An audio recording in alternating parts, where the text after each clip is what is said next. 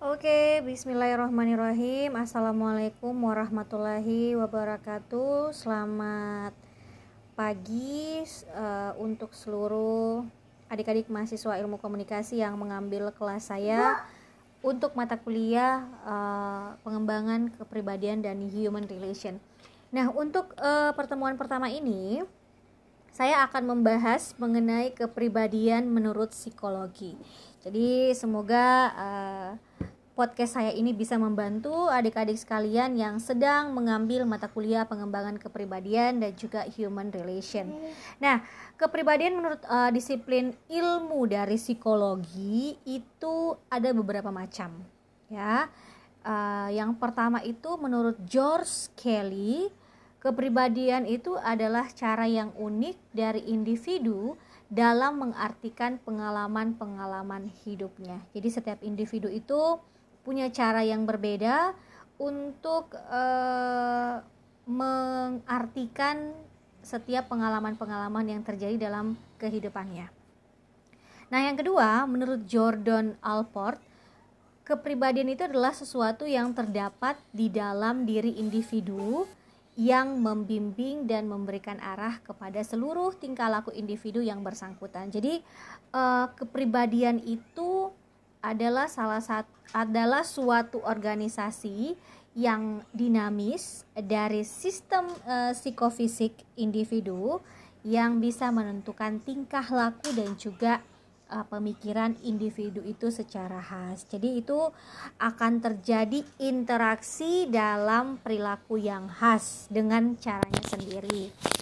Nah, ada yang uh, beberapa pakar ahli itu uh, menggambarkan kepribadian. Salah satunya adalah menurut Sigmund Freud. Jadi menurut Sigmund Freud ini adalah kepribadian itu merupakan struktur yang terdiri dari tiga sistem Sistem apa saja itu? Yang pertama adalah yang namanya ID, kemudian yang kedua adalah ego, dan yang ketiga adalah super ego. Jadi ketiganya ini merupakan satu kesatuan dan tingkah laku menurut Freud itu tidak lain merupakan hasil dari konflik dan juga hasil dari rekonsiliasi ketiga sistem yang saya sebutkan tadi. Nah, kita ke ID. ID itu kalau dipanjangkan, dijabarkan itu masuk kategori identitas ya identity. Nah, satu-satunya komponen kepribadian yang hadir sejak Anda lahir sebagai individu itu adalah ID. Ya.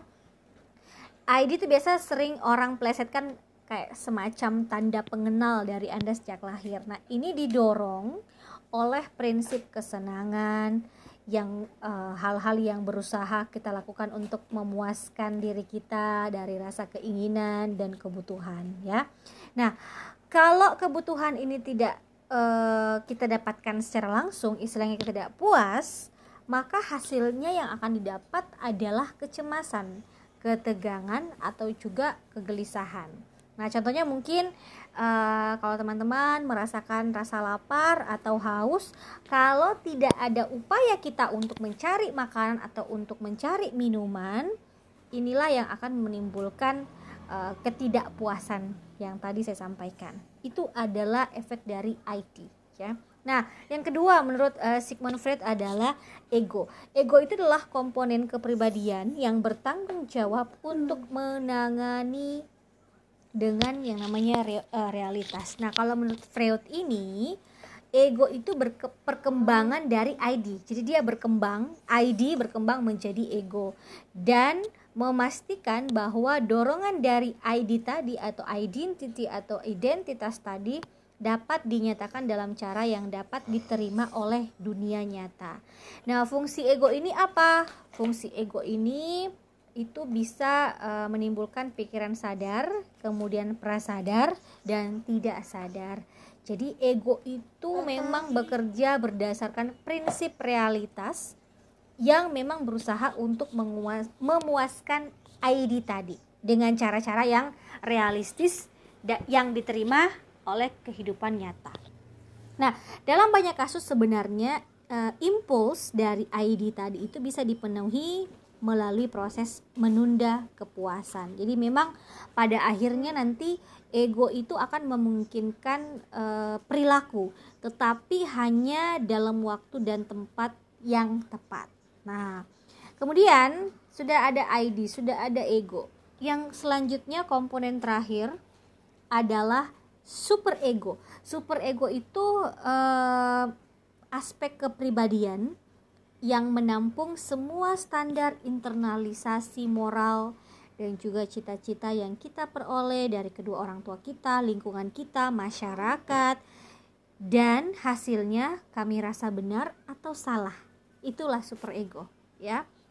Kemudian, super ego itu bisa memberikan pedoman untuk Anda as individu atau sebagai individu bisa membuat penilaian dari penilaian itu menghasilkan tindakan untuk menyempurnakan yang namanya perilaku atau kebiasaan kita atau budaya kita. Jadi memang uh, mereka bekerja untuk menekan semua yang tidak dapat diterima dan mendesak dari ID dan perjuangan untuk membuat tindakan ego atas dasar idealis lebih kepada prinsip-prinsip realistis. Jadi memang Super ego itu sama dengan ego, hadir pada pikiran sadar, prasadar, dan juga tidak sadar. Saya berharap sampai sejauh ini teman-teman bisa memahami uh, maksud dari uh, kepribadian menurut Sigmund Freud tadi. Nah, ada beberapa aspek kepribadian menurut Melania di tahun 1996.